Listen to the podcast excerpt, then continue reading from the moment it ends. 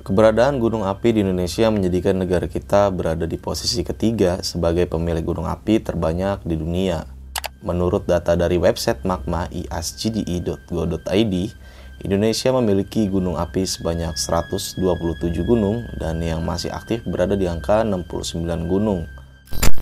Namun, di balik keindahan gunung yang ada di Indonesia banyak sekali kisah mistis yang menyelimuti di dalamnya. Salah satunya adalah Gunung Raung.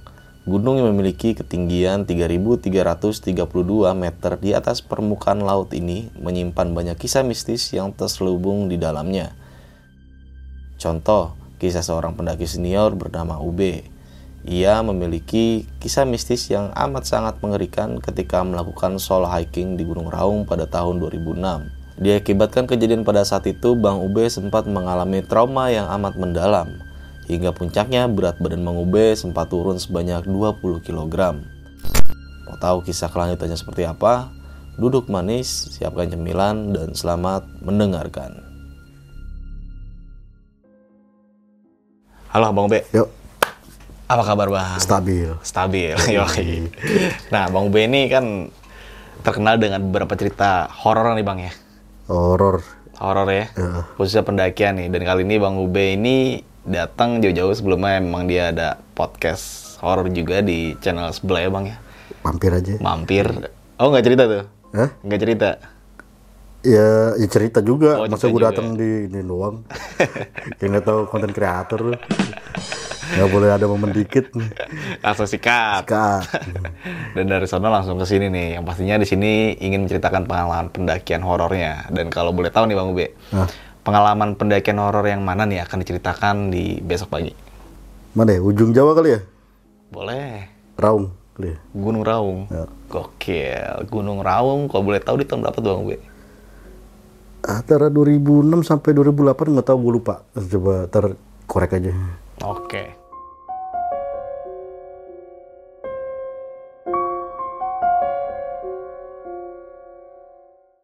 Oke nih, mungkin Bang Ube kita skip dulu kali ya. Yap. Dan bagi teman-teman semua nih yang penasaran sama cerita Bang Ube, waktu di Gunung Raung ini solo hiking ya, dan itu mengalami kejadian-kejadian horor yang pastinya Bang Ube ini. Lu simak terus video ini sampai habis karena di situ mungkin nanti lu bisa mengambil sisi positifnya dalam cerita nanti akan dibawakan oleh Bang Ube kali ini. Dan bagi teman-teman semua, gue mengingatkan kembali kalau besok pagi itu udah ada di Spotify. Itu lu cari aja di pencarian besok pagi podcast pendakian horor dan bagi teman-teman juga nih gue mengingatkan kalau lu punya cerita horor atau mau menjadi narasumber lu kunjungin aja di Instagram besok pagi yaitu besokpagi.edv nanti untuk lebih jelas dan detailnya gue cantumin juga di kolom deskripsi.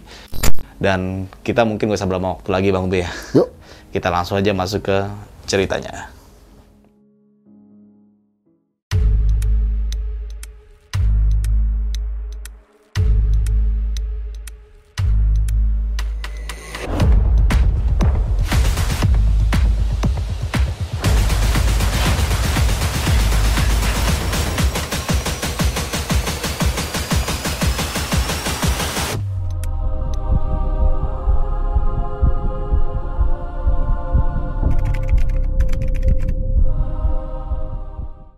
Awal dari 2000 berapa? 2006, 2007, 2008 sekitar tahun-tahun segitu ya.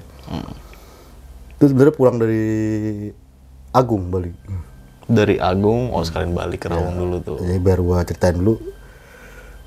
eh gaya hidup gua kan dulu satu tahun kerja, resign, jalan-jalan setahun. oh Duit habis, kerja lagi, resign, jalan-jalan lagi. Dan itu berapa tahun tuh Bang Ube ngalamin? Sampai 2012. begitu aja ritmenya? Gitu repeat. Jadi bener-bener nikmatin hidup gue. Gitu. ya nggak cuma di gunung doang sih. Diving juga apa ya pokoknya travel travel yang gitu touring sih. Pakai Vespa.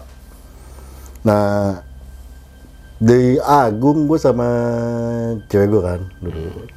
Rencana dari Agung mau ke Raung. Ke Raung tapi cewek gue nggak bisa ada callingan dari keluarga kan. Pulang ke Bandung dia. Tinggal gue sendiri dong. Kira bego ya kan. Naik Vespa sendiri baru nyampe Gilimanuk. Langsung kelihatan Raung yang kelihatan. Oh udah Raung aja deh. Raung sampai di Sumber Waringin. Dulu, Sumber Waringin. Sebenarnya nggak boleh solo dia. Orang Iya. tuh nggak boleh solo sebenarnya mau jalur mana pun sebenarnya nggak boleh solo. Kecuali udah pernah lima kali mendaki ke sana. Kebetulan gue enam kali waktu itu. Oh, jadi boleh nih ya. Jadi boleh. Bareng sama tukang ojeknya sampai kenal gue Dan masih inget berarti dong. masih. Sekarang udah almarhum Ah. itu Pak Habibi. Oh, Tuh, langganan ojek gue sampai ke pondok motor. Jadi gue pagi gue malam nyampe sono nginep pagi-pagi yang gue cari Pak Habibie. Karena gue solo kan nggak mau buang-buang waktu juga udah. Pakai jasa dia sampai pondok motor lewat dikit. Dari situ ma- udah mulai masuk hutan biasa lah normal. Habis itu kan ilalang. Iya. Nah, Lalang kan tinggi-tinggi tuh Lalang. Lalang sampai di Pondok Mayit tuh gua udah masuk maghrib kalau nggak salah. Masih terang sih, cuman udah mulai masuk maghrib. Break, break, rokok, mau makan mager, mau ngopi mager, ya udah ngerokok aja. Sampai ketiduran gue ceritanya, saking capeknya. Ketiduran setengah jaman, bangun udah gelap. Tuh, mulai center keluarin. Waktu gue nyenter ke kiri, itu ada pohon gede. Ada tumpeng, Tumpeng. Oke, oke. Nasi tumpeng tuh ya. Ah, kayak sajen gitu lah. Iya. Tapi masih seger, masih seger posisinya, masih masih ngebul lah, hangat-hangat gitu. Perasaan gue gak ada yang lewat loh padahal. Tiba-tiba ada. Tiba-tiba ada, perasaan gak ada yang lewat loh. Kalaupun ada yang lewat, harusnya gue denger lah. Baru pada tahu. Ya, gue samperin dong, ke center. Center, wah iya bener tumpeng. Karena gue lapar kali ya. Belum gue makan padahal. Baru gue lihat-liatin, gue pilih-pilihin. Itu di, kan ada daging, kayak daging ayam atau daging sapi itu. Suwiran gitu Hmm. gua gue buka-buka center gue mantul lampu center gue mantul pas gua liatin dikit gua gua periksa fokus. Mata. Mata. mata.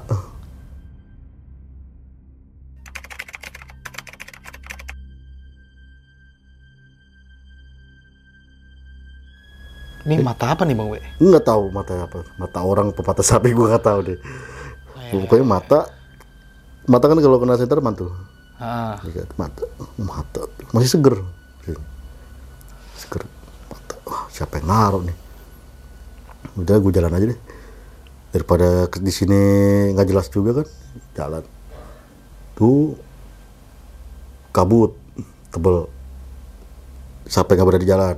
Tuh udah radio center gue nggak tembus, cuman satu setengah meteran, nggak bisa tembus. Udah, gue break aja deh kalau gua terobos goblok namanya kan. Iya.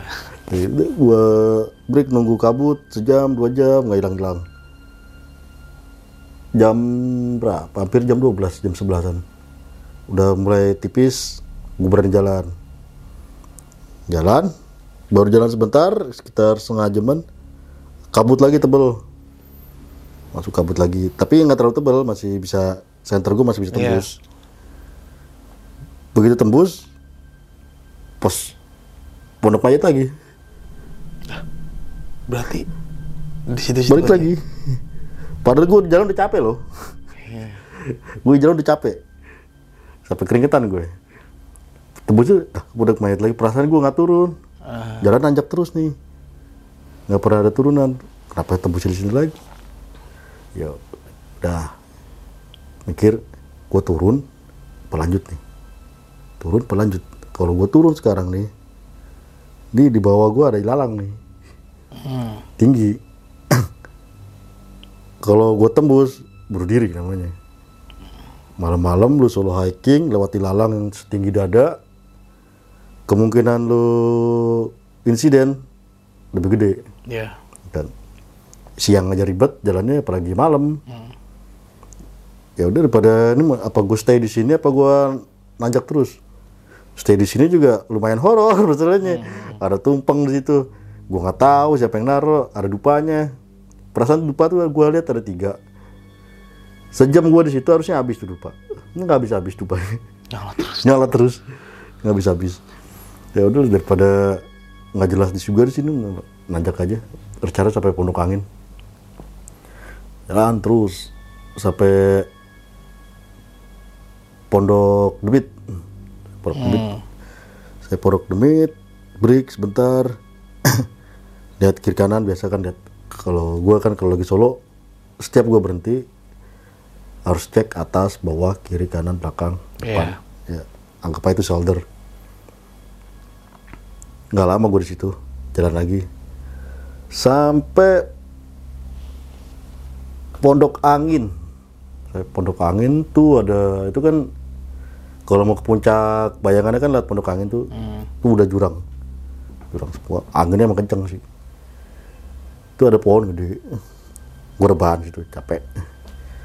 Capek diputer-puterin. Udah gue istirahat situ. Ketiduran. Ketiduran tuh antara sadar nggak sadar ada orang nyamperin gue Pendaki nih. bukan. Kayak kakek. Kayak kakek cuman nggak pakai bajunya apa ya? Putih. Tapi selempang doang kayak petapa gitu. Samperin bilang ayo ikut. Mana udah nanti juga tahu. Ini bukan gue masuk ke situ ikut di belakang. Kata dia tenang aja ini bukan bukan alam gaib. Ini bukan dunia gaib ini cuman istilahnya kayak udah mimpi gitu. Alam bawah sadar dia. ya istilahnya kayak gitulah. Jadi itu dari jauh. Kiri kananku banyak orang. Kiri kanan. Itu kayak di lapangan gitu pokoknya. Di lapangan kiri kanan banyak orang. Arahnya ke sana semua. Satu jalur sama gue jalan. Nggak lama sekitar setengah jam gue jalan tuh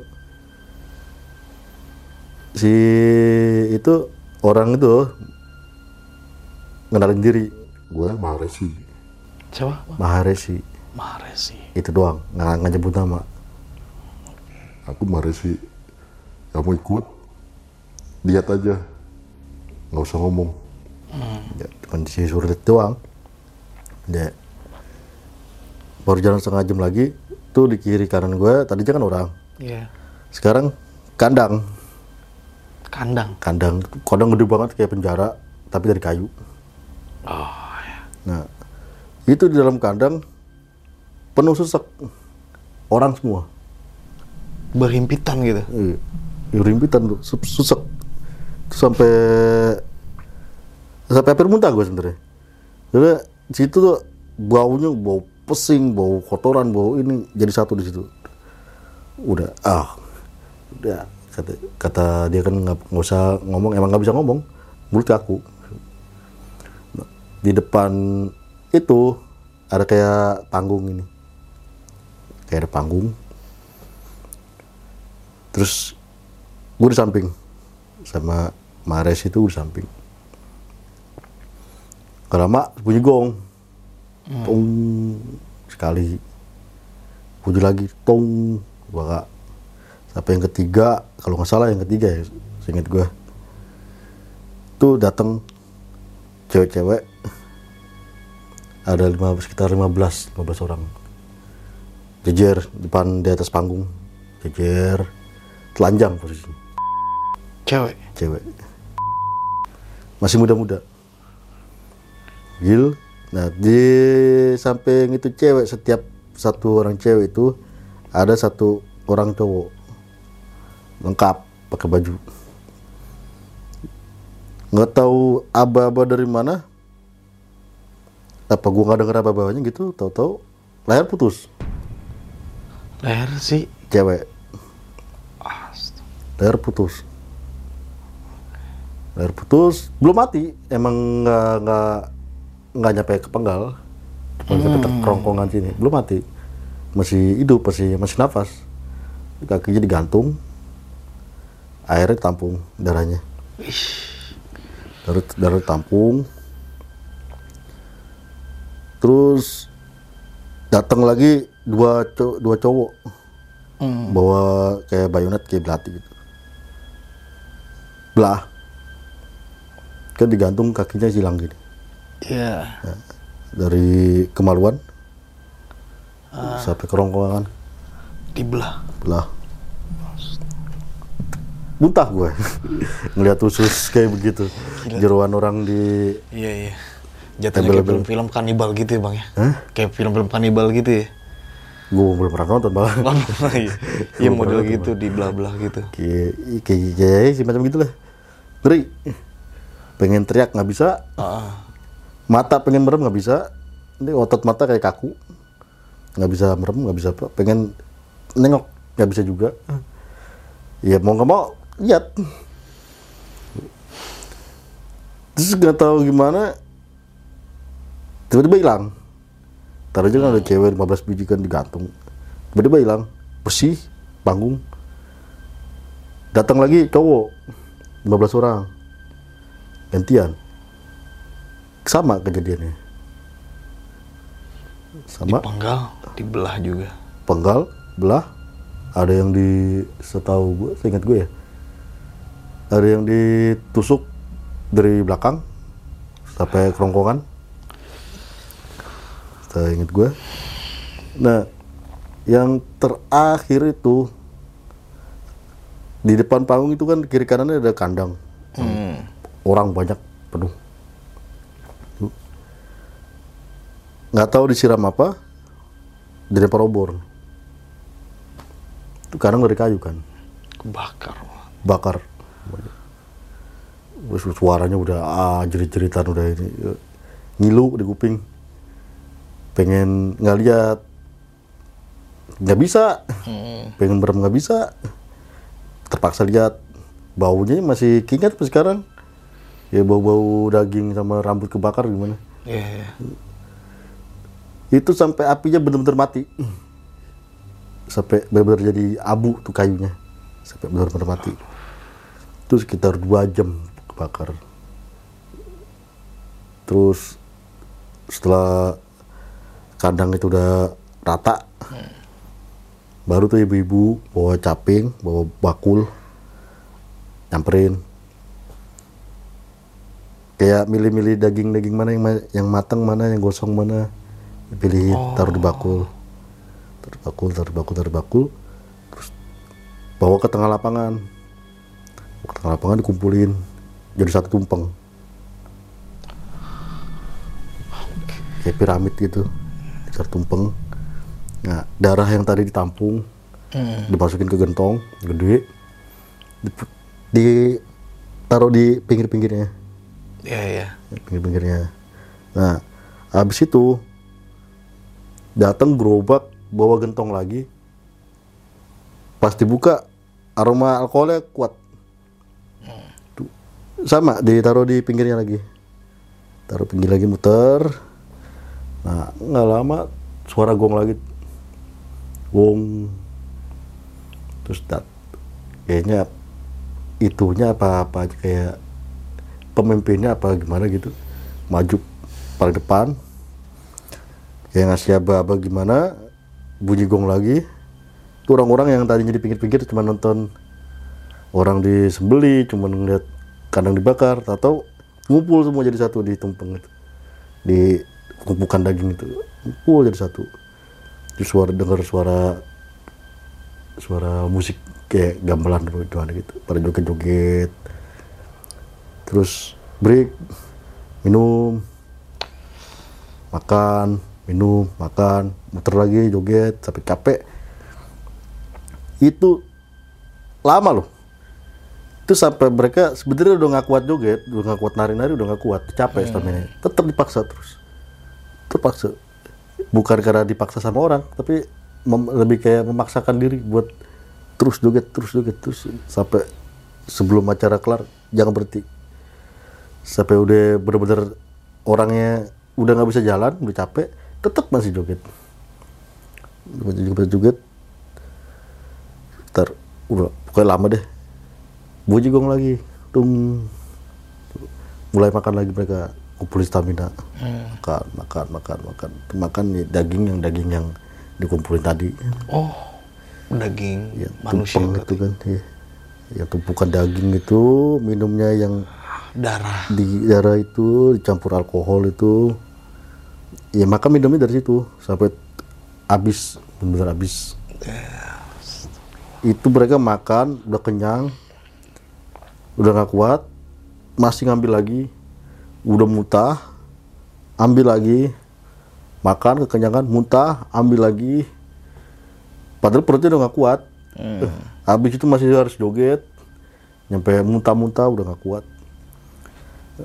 Selesai makan-makan lagi bunyi gong lagi tuh kalau nggak salah.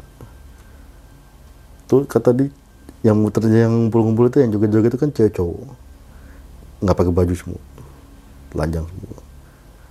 Kayak gua kalau malah kayak ngeliat film porno. Itu, jadi mereka kayak gimana ya? Ya setubuh gitu lah. Bersetubuh. ya. Masal. Jadi di sekitar tadi daging-daging tumpukan itu kan muter gini. Jadi mereka masing-masing ada yang cowok sama cowok ada yang cewek sama cewek ada yang cowok sama cewek sampai bunyi gong lagi makan lagi. Hmm. begitu lagi. Repeat terus terus terus terus terus. Sampai jijik kan tadi jadi ngeliat horny jadi jijik. Gitu ya terakhir itu mereka duduk. Duduk sila diem semua nggak ada yang bergerak. Diem. Ah, kenapa nih? Kecapean kali. Kirain gue kecapean kecapean kali. Enggak ini buat bersatu sama alam katanya. Kata mereka kata si Maresi tadi tuh. Tuh maksud gue ini kenapa gue tunjukin kayak begini? Buat apa? Gitu. nah, nggak lama dia ngomong ini jangan jangan lupa kita pernah ada. Hmm. kita siapa? Bairawat Tantra katanya.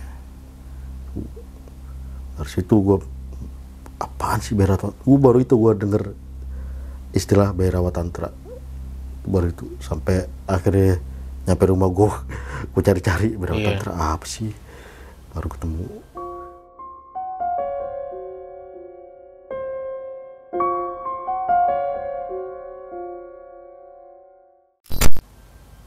itu setelah bunyi gong terakhir tuh habis pada duduk sila pada diem bunyi gong lagi gue langsung melek.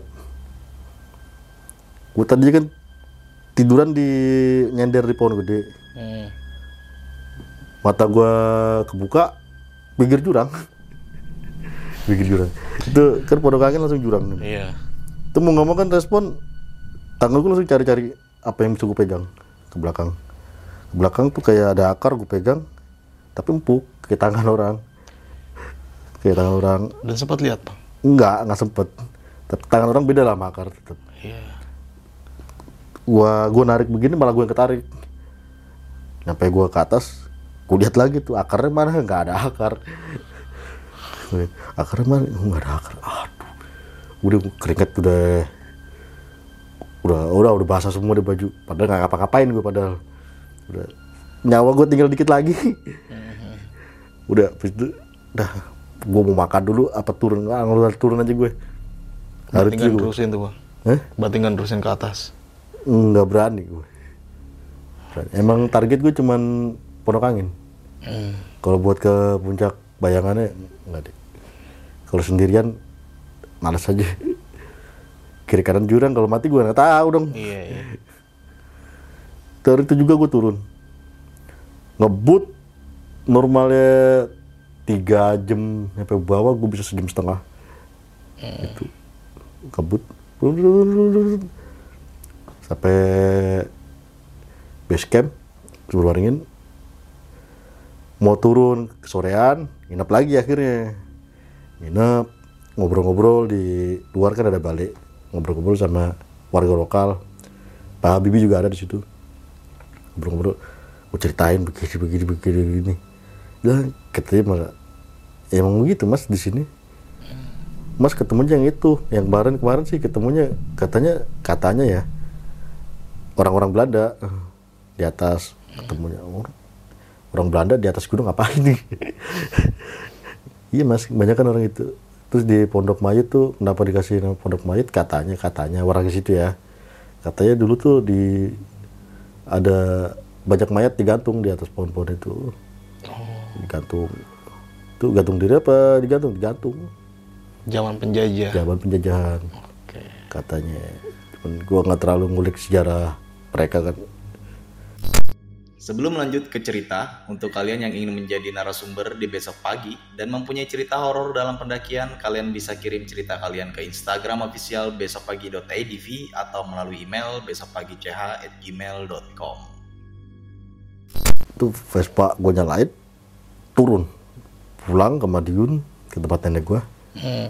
tuh udah gue nggak lanjut naik gunung lagi padahal bacot kenakalan gue masih ada Oh niatnya abis dari Raung memang ada ada gue rencana dari Raung mau ke Malang Malang terus mau ke Jogja rencana udah nggak nggak kesampaian. nggak nggak jalan-jalan lagi gue langsung pulang ke Jakarta udah Vespa gue juga tinggal gue naik kereta di rumah nenek tuh di Madiun. iya nah, gue tinggal tinggal aja.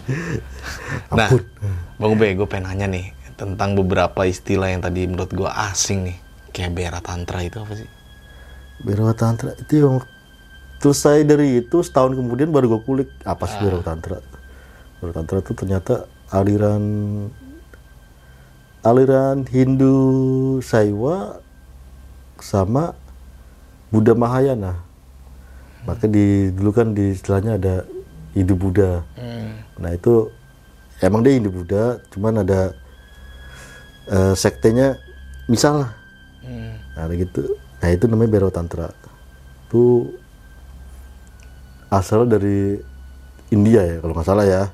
Asal dari India lari ke ke ke sini. Gue baca-baca lagi sejarahnya raja-raja yang pernah pernah ngikutin aliran itu ternyata banyak bro. Ada Airlangga di situ, ada Kertanegara, ada di situ raja-raja raja-raja gede semua. Gitu. Oke. Gitu. Tapi yang sampai kepikiran sampai gue sampai sekarang kenapa juga gue diliatin kayak gitu? Nah, maksud dari dilihatnya secara visual seperti itu sampai sekarang nggak tahu Bang Ube. Nggak Maksudnya apa? Nggak tahu. Biar apa gitu maksudnya? Ah, Cuman ngingetin jangan lupa kita pernah ada. Paling kita itu doang. makanya dikasih pesan nah, yang tadi ternyata dikasih tahu pernah ada itu ibaratnya yang tadi dibilangin aliran seperti itu ya Bisa jadi di Gunung Raung raung. dan sempat bertanya-tanya sama warga lokal menjelaskan seperti itu juga. Mm, nanya-nanya sama warga lokal dapat ceritanya malah yang lain. Hmm, Jadi insiden kayak gue baru denger dia mereka juga. Kebanyakan mas, kebanyakan di sini kalau ini ketemunya noni Belanda, hmm, tuh terus ngeliat mayat digantung, di Pondok Mayat itu. mayat itu banyak kan kejadiannya begitu mas. Kalau yang kayak mas baru baru ini saya dengar. Tapi emang dulu di zaman dulu ya zaman kerajaan emang dulu sempat ada Hmm, Berawa Tantra kayak gitu sempat ada aliran-aliran kayak gitu dulu ada di sini. Terus zaman Wali Songo pindah ke Bali. Makanya di Bali sampai sekarang masih ada namanya lawar. Lawar merah itu kan kalau di Berawa Tantra daging merah, daging merah itu apa tuh? daging orang. Oh. Tuh. Oke, nah dari pas turun ke bawah juga sempat menanyakan ke warga lokal tentang adanya sesajen itu. Tanya, Itu ada emang yang, benar ada yang naik nggak? Tanya, ada naik nggak? Nggak ada. Masa sih? Nggak ada. Siapa juga yang mau malam-malam naik? Mau warga lokal juga ogah amat naik malam-malam. Kan gitu. Dan kan- memang kan barangkali ada yang nyari pesugihan pak naik Ah, kayak gitu. nggak ada kalau mau ada yang nyari pesugihan laporan dulu sama kuncen Mm-mm. gitu kan logikanya kan begitu dia orang ngomong ya sih bener sih terus kok ada ya Dan Bang Ube ini melihat nasi tumpeng itu kan masih hangat, masih ngebul gitu Bang ya. Dan itu berarti masih baru banget ya. baru hmm. Ya disiapin nih makan Iya, iya, iya. gitu Nah, gimana tuh Bang Ube ngeliatin reaksi ketika dikasih tahu tentang visual seperti itu? Yang tadi Bang Ube sempat jelasin juga kalau bau aromanya itu masih berasa sampai sekarang. masih berasa itu makanya kalau ada yang kalau lebaran lebaran haji Iya. kalau ada yang bakar kepala kambing, Kambing, ya. ya. kan ada bulu-bulunya tuh Hmm. masih merinding gue sampai sekarang langsung kebayang ke situ uh, raung Dan ini pendekin keraung yang terakhir. Eh, enggak masih masih naik lagi ke Raung via kali baru Oh, berarti setelah kejadian itu masih naik Gunung Raung lagi masih nih. tapi jedanya sekitar dua tahunan Eh, dua tahun masih dua kali naik malah Ah. dua kali naik Raung lagi gokil. soalnya di 2009 2010 tuh gue ada project foto 12 gunung buat kalender korporat Oh, Oke. Jadi, si korporat minta foto 12 gunung di Indonesia Ah. di atas ketinggian 3000 ya mau nggak mau ambil Dan Raung salah satu. ya akhirnya ke situ lagi cuman beda jalur Iya, iya kali baru ya. Dan gue pengen tanya lagi nih Bang Ube tentang sosok si kakek ini nih. ah Nah, kalau Bang Ube boleh eh, kalau boleh tahu Bang Ube sempat nanya nggak ke warga lokal atau menggali literasi tentang Tanya, sosok kakek itu? tanya Itu. cuman penjelasannya nggak jelas absurd penjelasannya kalau katanya ada yang ngomong tuh Maresi itu mungkin keturunan si ini si ini bekas zaman ini zaman ini zaman ini ya nggak tahu deh nggak jelas juga Berarti masih simpang siur simpang itu siur ya? kayak malah lebih ke mitos sih Mm-mm, lebih malah ke mitos soalnya ada yang bilang itu dari Bali mm-mm. ya bertapa di situ gimana gimana. Ini cerita gila banget sih menurut gue secara visual langsung melihat keadaan yang di mana yang di mana ini wah gua kalau ngebayangin aja tadi denger ceritanya nih wah gila ini cerita. Itu gue sampai turun 20 kilo loh. Habis kejadian itu. Gara-gara? Nggak doyan makan. Wah iya. Nggak doyan makan gue makannya kalau bener-bener lapar banget baru makan. Sempat turun 20 kilo. Gitu. Dan dari cerita yang tadi bang Ube jelasin juga nih gue masih penasaran nih. Mereka makan terus menari-nari ya kan? Terus udah begitu aja ritmenya. Dan dia ngikutin perintah berarti ada satu raja yang Sat, kayak bukan raja sih kayak pemimpin ritual gitu. Dan itu kelihatan sama bang Ube pada saat itu? Samping gue. Oh. Samping gue. Sampai bang Ube si kakek itu atau? Si kakek itu di samping kiri gue gue di situ di tengah-tengah. Nah itu dia ada di samping gue cuman jaraknya ya, sekitar 5 meteran lah nggak terlalu deket. Hmm. Dan itu nggak berkomunikasi atau menjelaskan ke Bang Ube kalau ini? dia juga nggak kayak nggak ngeliat gue. Oke. orang-orang yang di situ juga nggak kayak nggak ngeliat gue. Padahal gue bisa lihat. Hmm. tapi mereka orang kayak cuek aja kayak kayak nggak ada gue. Gitu. Jadi kayak hantunya siapa sih? Gue apa dia sih Tapi di balik semua itu eh, dari setiap perjalanan bisa ada sisi positifnya bisa kita ambil juga Bang Ube ya. ada aja Ada aja lah ya. Setiap apalagi nih Bang Ube ini suka naik Vespa nih. Justru pelajarannya banyak dari Vespa sih Dari Vespa ya. Gila gak kebayangin. Jadi dia emang sering banget Bang Ube naik Vespa terus naik gunung Vespa ke mana singgah di satu lokasi ada gunung ini naik gitu atau ke pantai ini kita ke pantai. ya karena kenapa pilihannya Vespa jatuhnya lebih irit Iya. ya kan kalau gue misalkan maraton gunung irit lebih irit gitu sih Eh, bisa ke mana-mana ya gitu ya, ke mana-mana. ke mana-mana. mau gue ya kan Ah. kalau naik kendaraan umum kan kita harus lihat jamnya Mm. ya kan malah lebih boros jatuhnya tuh Oke. Oke nih Bang Ube, terima kasih banyak ya udah mau berbagi ceritanya di besok pagi. Semoga teman-teman semua yang menyimak video ini bisa mengambil sisi positifnya dan bisa menjadikan pelajaran bagi kita semua. Apa yang sudah cerita Bang Ube, ya pokoknya lu mengambil sisi positifnya yang buruknya buang jauh-jauh ya Bang ya. Nah Bang Ube nih, sebelum akhir cerita punya pesan-pesan gak Bang buat teman-teman semua yang menonton video ini? apa ya pesan gue legalisasi kali ya Legalisasi apa nih? Hah? Legalisasi apa? Ganja nasional. Ganja nasional. Bener kalau legal gue pulang kampung. Iya, iya, iya. Gue jadi petani ganja aja. kalau legal. Oke, ini harapan semua orang mungkin kayak gitu ya. Karena Iya. memang ada beberapa Itu orang yang membutuhkan ganja sebagai medis juga Bang Ube ya. Iya bener. Negara maju aja udah oke kok. Iya, ya semoga bisa terrealisasi lah ya. Dengan catatan ganjanya yang bermutasi genetik. Ya, benar, benar. Ya pokoknya punya dosis-dosis tersendiri lah. Iya. Iya, ya. Pokoknya itu, wah, mantep juga ya. Lu nunggu ya? nunggu gak? Iyalah. Oke, mungkin Bang Ube, terima kasih banyak ya sekali lagi. Yoi. Ah, dari gue Indra, saksikan video-video berikutnya dari besok pagi. Kurang lebih mohon maaf. Wassalamualaikum warahmatullahi wabarakatuh.